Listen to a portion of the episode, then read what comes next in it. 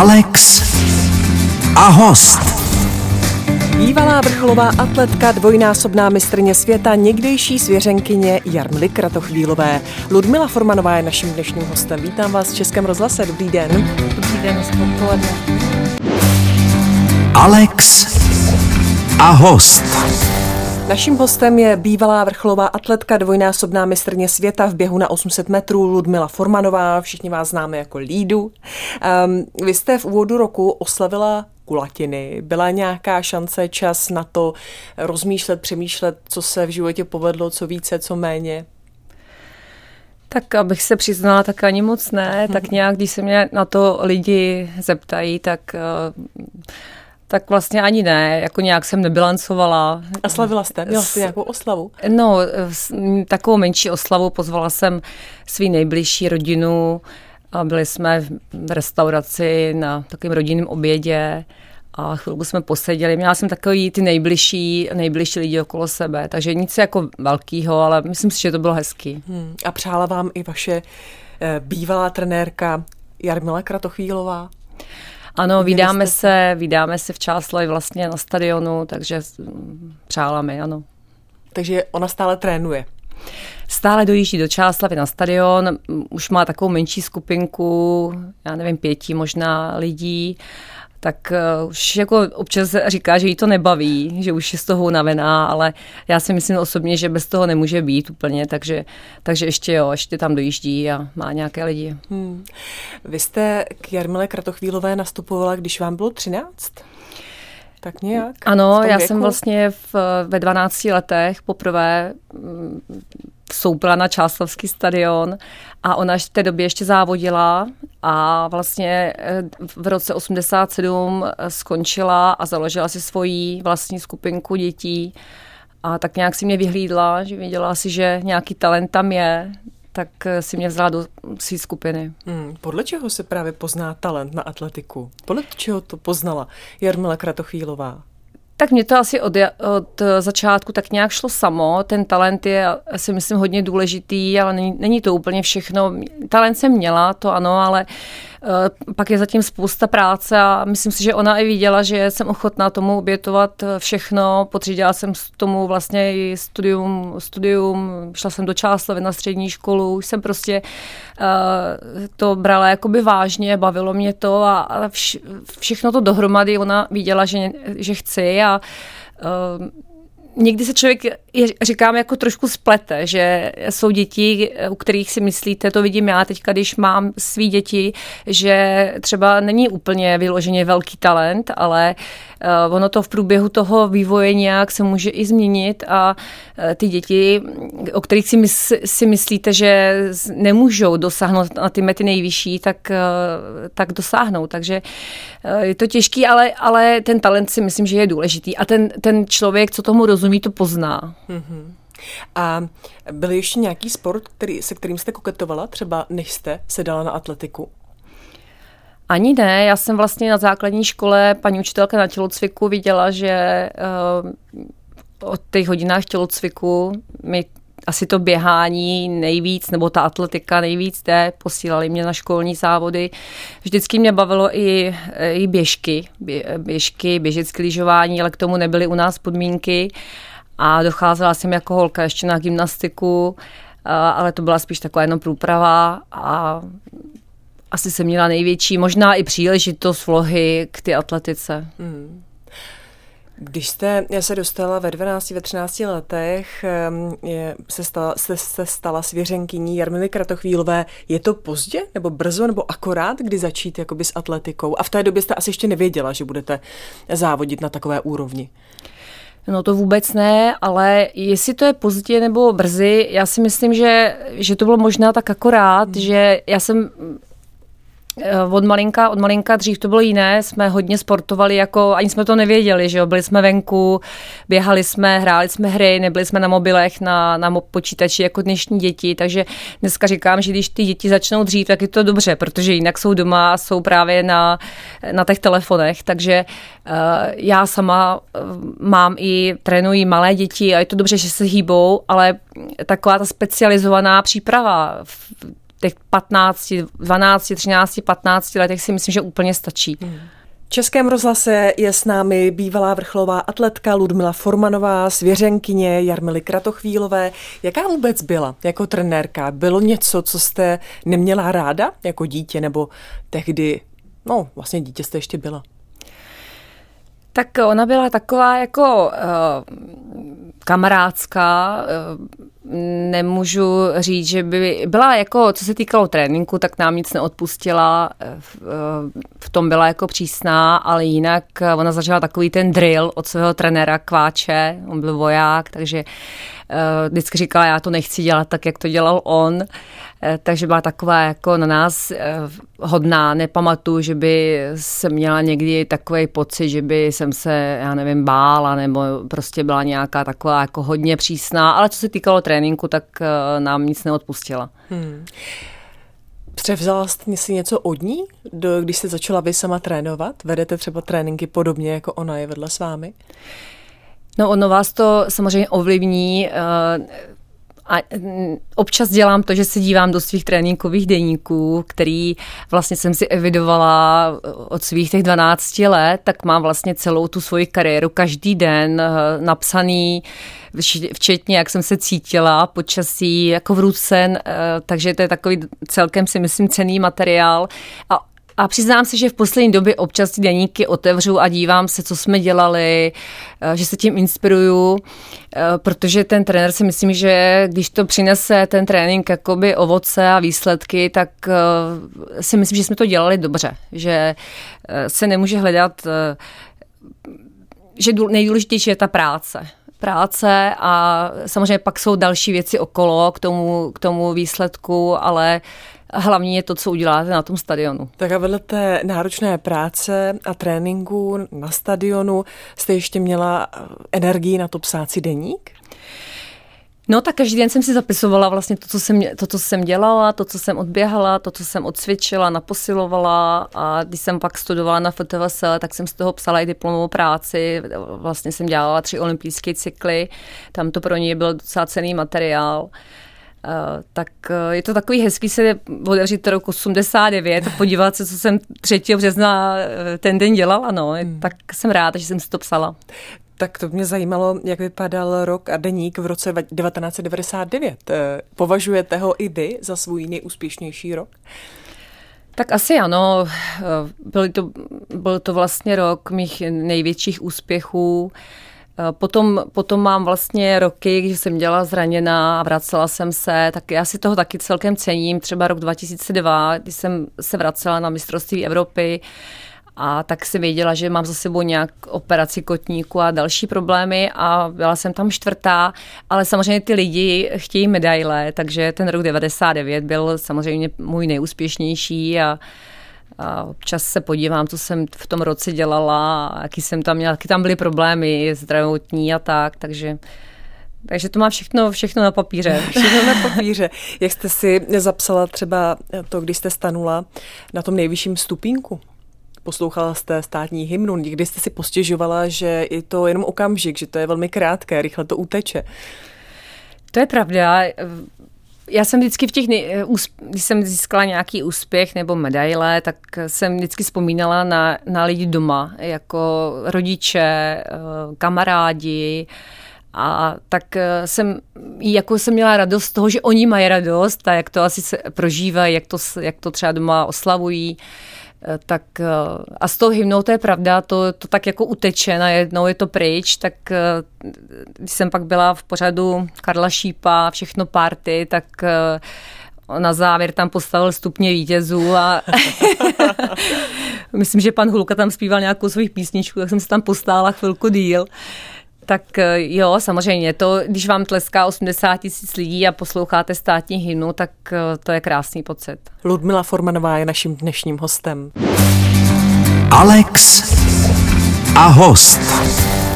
Český rozhlas vysílá Alex a host a tím hostem je eh, Ludmila Formanová, bývalá vrcholová atletka. Zmiňovala jste v minulém vstupu nebo popisovala jste, na co jste myslela, když jste stála na stupních vítězů, vítězů a hrála česká hymna. Vzpomenete i na překážky a strasti ve vrcholovém sportu? Těch bylo hodně, no možná víc než těch, víc než těch úspěchů. Eh, já jsem měla takovou asi dispozici k těm zraněním, možná to bylo i tou velkou námahou, protože ty tréninky byly opravdu hodně těžký. Eh, někdy to bylo až jako na hraně, si myslím, toho, co člověk může zvládnout. Trénovala jsem každý den, mimo neděle, někdy taky v neděli, dvakrát denně, že? Takže eh, to tělo jsem se potýkala mnohdy jako s hodně zdravotníma problémama, Eh, ale zase si říkám, že bez toho těžkého tréninku eh, by to možná bylo nějaký finálový umístění, ale třeba by to nebyly ty medaile, jo? takže v tom vrcholovém sportu se pohybujete na ty hraně, co, co to tělo unese a co už ne, no. Takže a bez toho to prostě nejde. A někdo to zvládne líp, někdo hůř. Já jsem tak jako byla tak jako na hraně občas, takže jsem dost často překonávala ty, což třeba lidi nevěděli, že, jo, že jsem měla nějaké zranění a nemoce. Eh, takže toho bylo možná víc než, než, než těch úspěchů, ale Nes, každopádně na tu dobu jako nespomínám uh, nějak špatně, jo, spíš, nebo určitě převažují ty, ty hezké vzpomínky. Hmm, je to takové něco za něco. Ano, přesně tak. A, uh, jaké zranění bylo pro vás nejhorší, nejbolestivější, nejnáročnější se potom vrátit zpátky k atletice? Tak byly asi dvě. Na, v olympiádě v Sydney jsem měla problémy s kotníkem, pak jsem podstoupila operaci, plastiku šlachy, tak eh, to bylo takový, že jsem to nečekala, že to bude tak, taková delší, delší rekonvalescence. Eh, nemyslela jsem si, že to bude tak vážný a potom asi operace zad, kdy jsem měla vyhřezlou plotínku a potom už jsem se tak nedokázala jako úplně vrátit eh, do ty špičky po ty operaci zad, ale asi to bylo potřeba prostě, abych pak fungovala i v běžném životě a neměla problémy nejen v tom vrcholovém sportu, ale při každodenní nějaké činnosti. Hmm. A brzdila vás eh, taková zranění, která by třeba v současné době byla řešitelná? Že byste kvůli tomu třeba nepřišla o olympiádu v Sydney? Tak to byly takový dlouhodobější problémy s tím kotníkem, kdy jsme to řešili mnohdy tak jako nějakým obstřikem a ona ta šlacha postupně jak nějak odcházela. A já myslím, že by to bylo asi stejné, že to zatížení bylo tak velký, že prostě to bylo tak, jak to bylo. Mhm. Co to udělá s psychikou té závodnice, té atletky, když, když nemůže, když eh, se snaží třeba trénovat a cítí bolest? No, ovlivňuje to vlastně eh, každodenní ten, každodenní ten trénink a eh, člověk by chtěl na ten trénink jde, chtěl by a ono to nejde. A snaží se to řešit samozřejmě, co jsme vždycky chtěli, co nejrychleji, abych zase se mohla vrátit co nejdříve. Že jo? Byla jsem taková mnohdy možná i jako netrpělivá, eh, jo, že jsem dost podstoupila třeba obstřik ty šlachy a doktoři teďka čtyři dny nic nedělej a já už jsem druhý den šla, že, jo, že jsem, už to přestalo bolet a já jsem se říkala, no je, že čtyři dny to nemůžu vynechat, že, takže, eh, takže jsem byla možná i takový neposlušný pacient někdy. Hmm. Takže mm, ono to je takový prostě, že, ale to je asi normální, jo, že většinou ty sportovci na to doporučení těch doktorů moc, moc nedají. Jo, hmm. U sportovců ano, jiní by třeba byli rádi, kdyby jim pan doktor řekl čtyři dny nic nedělat. Ludmila Formanová je naším dnešním hostem. Když jste v roce 2007 ukončila kariéru, co bylo tím impulzem? Jak dlouho jste zvažovala, jestli skončit nebo ještě to zkoušet? Já jsem se toho vždycky bála, co bude, jo, co vlastně, že to nejvíc, co mám ráda a čím vlastně trávím nejvíc času, najednou jako nebude, jo, co bude. Ale v té době jsem měla už syna a tak uh, hlavním tím impulzem byly ty zdravotní problémy a, a syn, protože uh, už jsem tak nějak nedokázala uh, se od něho odpoutat v tom smyslu, jako dávat ho na hlídání chůvám. Teď jsem přemýšlela, eh, co asi doma je, že brečí, že, že já jsem pryč a že někam pojedu na závody, když jsem byla, co tam, co tam je, co se děje. A tak jako jsem se řekla, tak máš zdravotní problémy, opakuje se to, máš syna, už to nejlepší máš za sebou a tak si to jako užít teďka se další, další nějakou etapu a tak jsem si prostě nějak jeden den rozhodla, že už to takhle nechci a překvapivě to bylo takový snadnější, než jsem čekala. To jako oznámení, že vlastně teda končím, že už nebudu pokračovat a a, a pak se mi i celkem jako ulevilo, když to proběhlo těma médiema a veřejností, že, že končím, tak, tak taková jako úleva a že nějaká ta etapa je za mnou a že bude něco něco novýho. Komu jste to oznámila jako první své trenérce, nebo jste to s ní nějak konzultovala? Tím nejbližším jako v rodině, že hmm. to zamýšlím, že teda jako končím a samozřejmě Jarmile, že že už eh, jsem unavená, že hmm. už nechci pokračovat. Tak viděla jsem na ní, že samozřejmě jí to mrzí, že uh, taky pro ní kon, něco končí, ale myslím si, že to čekala postupně, že to na mě viděla, že to vycítila, že už mi to tak nějak jako nenaplňuje, tak jak dřív. A věděla jste v té době, když jste končila, měla jste syna, měla jste rodinu, co bude dál, co bude po atletice, té aktivní? Sportovní kariéře? V té době úplně ještě ne. Přemýšlela jsem, nechala jsem si nějaký čas jako na rozmyšlenou, jestli budu trénovat. Eh, to připadalo v úvahu v Praze, nebo musela bych dojíždět, nebo co dál budu dělat. Tak jsem si nechala nějakou dobu jako trošku to projít, nechala jsem si to projít hlavou. Byla jsem ještě se synem doma a přemýšlela jsem tak, jako co bych asi eh, chtěla dělat dál. Hmm. Vy jste už v té době měla vystudovanou uh, fakultu tělovýchovy a sportu, takže to směřovalo k tomu trénování. A vy jste uh, učila na gymnáziu v Čáslavi. Proč jste skončila? Učila jsem nějakou dobu na gymnáziu, na tu dobu vzpomínám celkem jako dobře trošku jsem měla největší asi problém s tím, že vlastně jsem se celý život setkávala s tím, že byla jsem mezi lidma, kteří chtěli sportovat a ten, ten sport je bavil a tam v té škole to mnohdy tak nebylo. Uh, spíš to bylo možná obráceně, že ne jako za nás, že ten tělocvik nás, uh, to byl nejoblíbenější předmět a tam, tam to tak úplně moc nebylo. Snažila jsem se ty hodiny udělat jakoby zajímavý, aby, aby uh, to děti bavilo a po nějaké době jsem si řekla, že je čas asi skončit a, a zase jsem si zal, vrátila k ty atletice, založila jsem si svůj vlastní atletický klub v Čáslavi, kde mám teda i malé děti, beru od pěti let, už i předškoláky a to jsou zase děti, které to baví a na ten trénink jdou, ne, že musí, ale že chtějí. Hmm. A možná mezi nimi někde je další Ludmila Formanová. Ta je naším dnešním hostem. Alex a host. Naším hostem je bývalá vrcholová atletka Ludmila Formanová. Letos eh, bude takový sportovní svátek, konají, konají se eh, světový šampionát v hokeji u nás, eh, jsou olympijské hry, teď myslím, nejsou dokonce i zimní, i letní. Jsou letní, ty letní. jsou určitě. Budete je sledovat? No u nás vlastně, když nějaký sport, eh, olympiáda, tak to už vůbec, že, anebo hokej, tak moc nesledujeme nic jiného, takže sleduju, jak jsem už říkala v nějakém rozhovoru, tak sleduju i takový ty sporty, co běžně eh, běžně nevidím, ani neznám třeba tak pravidla, takže se dívám na střelbu a, a no prostě to, co běží, tak, tak sleduju.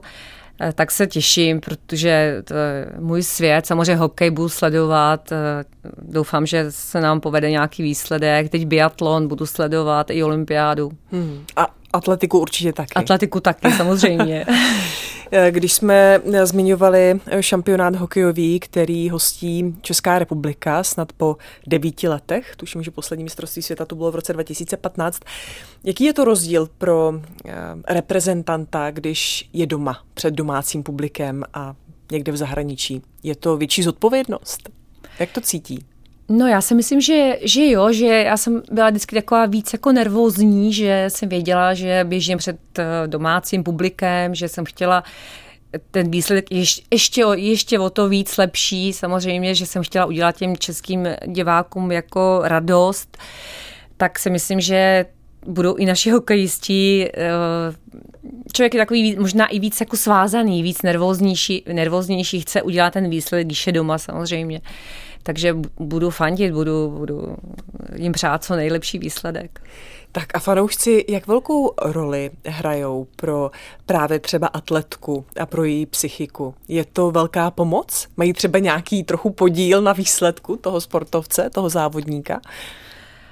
No asi určitě, protože uh, já jsem u nás těch velkých závodů, třeba co se týká atletiky, tolik uh, za mě nebylo, že jo, jako svět, uh, Evropa.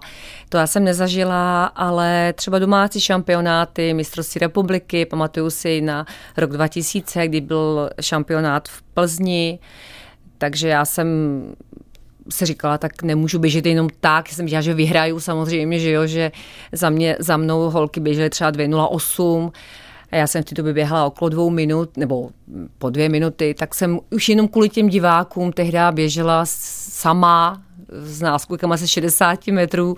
Do dneška to je, myslím, rekord eh, mistrovství republiky, asi 1,59 kousek jsem běžela a bylo to jenom kvůli tomu, že to bylo kvůli těm divákům, že v ty Plzni přišlo, přišlo na český poměr opravdu hodně lidí tak jsem chtěla jenom jim udělat radost, že nějaký, nějaký výsledek, eh, ne je to jenom odběhnout na vítězství, ale předvíst nějaký výkon. Hmm.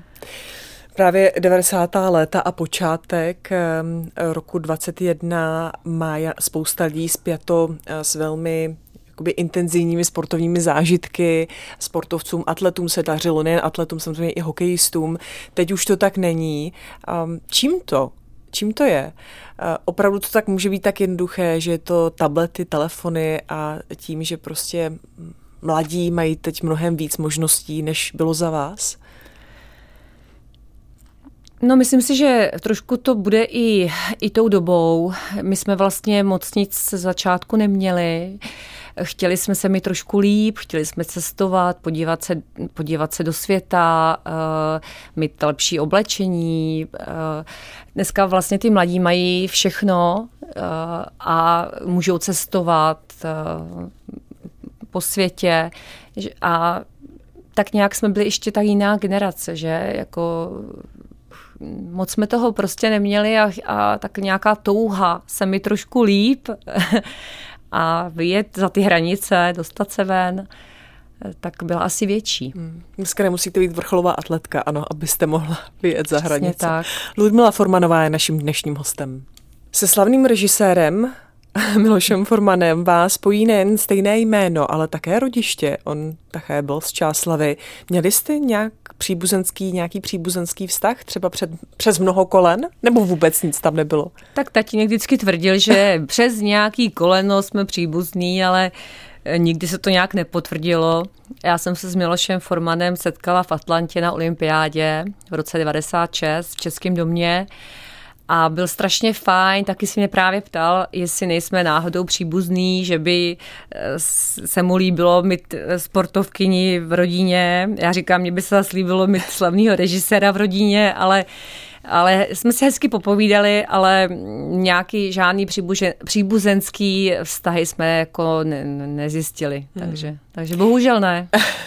Vy jste se eh, ve své aktivní době vůbec potkávala se slavnými nebo s atlety, které vídáme a známe dodnes, Roman Čebrdle, Jan Železný, Šárka Kašpárková, se kterou snad i komentujete, nebo jste komentovali, nebo chystáte no. se ještě spolu komentovat? Tak se Šárkou jsme komentovali uh, mistrovství světa v Londýně a v Berlíně. Mm, byla to strašně fajn zkušenost. No, mnohdy se nám spoustu věcí nepovedlo v tom přímém přenosu, nebo něco, něco jsem viděla, chtěla říct a, a neumí to člověk tak jako vyjádřit v, tom, v té rychlosti, ale bylo to strašně fajn s tím týmem České televize, s těma sportákama a kdyby nějaká nabídka ještě byla, tak uh, bych asi ne, jako neváhala. Uh, bylo, Blíží se ty olympijské hry, tak se to trochu, trochu nabízí a měla jste nějakou průpravu komentátorskou, nebo jste sedla a, a jela jste? Prakticky žádnou. Byla jsem posazena za mikrofon jako dneska a to, co vidíš, tak komentuj. Ale ono tak člověk, když ho někdy hodí to do vody, tak musí plavat, takže jsme to tak nějak se snažili, snažili jsme se to, co jsme viděli, tak nějakým způsobem okomentovat tím okem toho, mm, toho atleta, nebo to, to, že to člověk sám prožil, tak, mm. tak nějakým tím pohledem zase jiným. Hmm. Jak moc se atletika vlastně proměnila od dob, kdy vy jste aktivně závodila?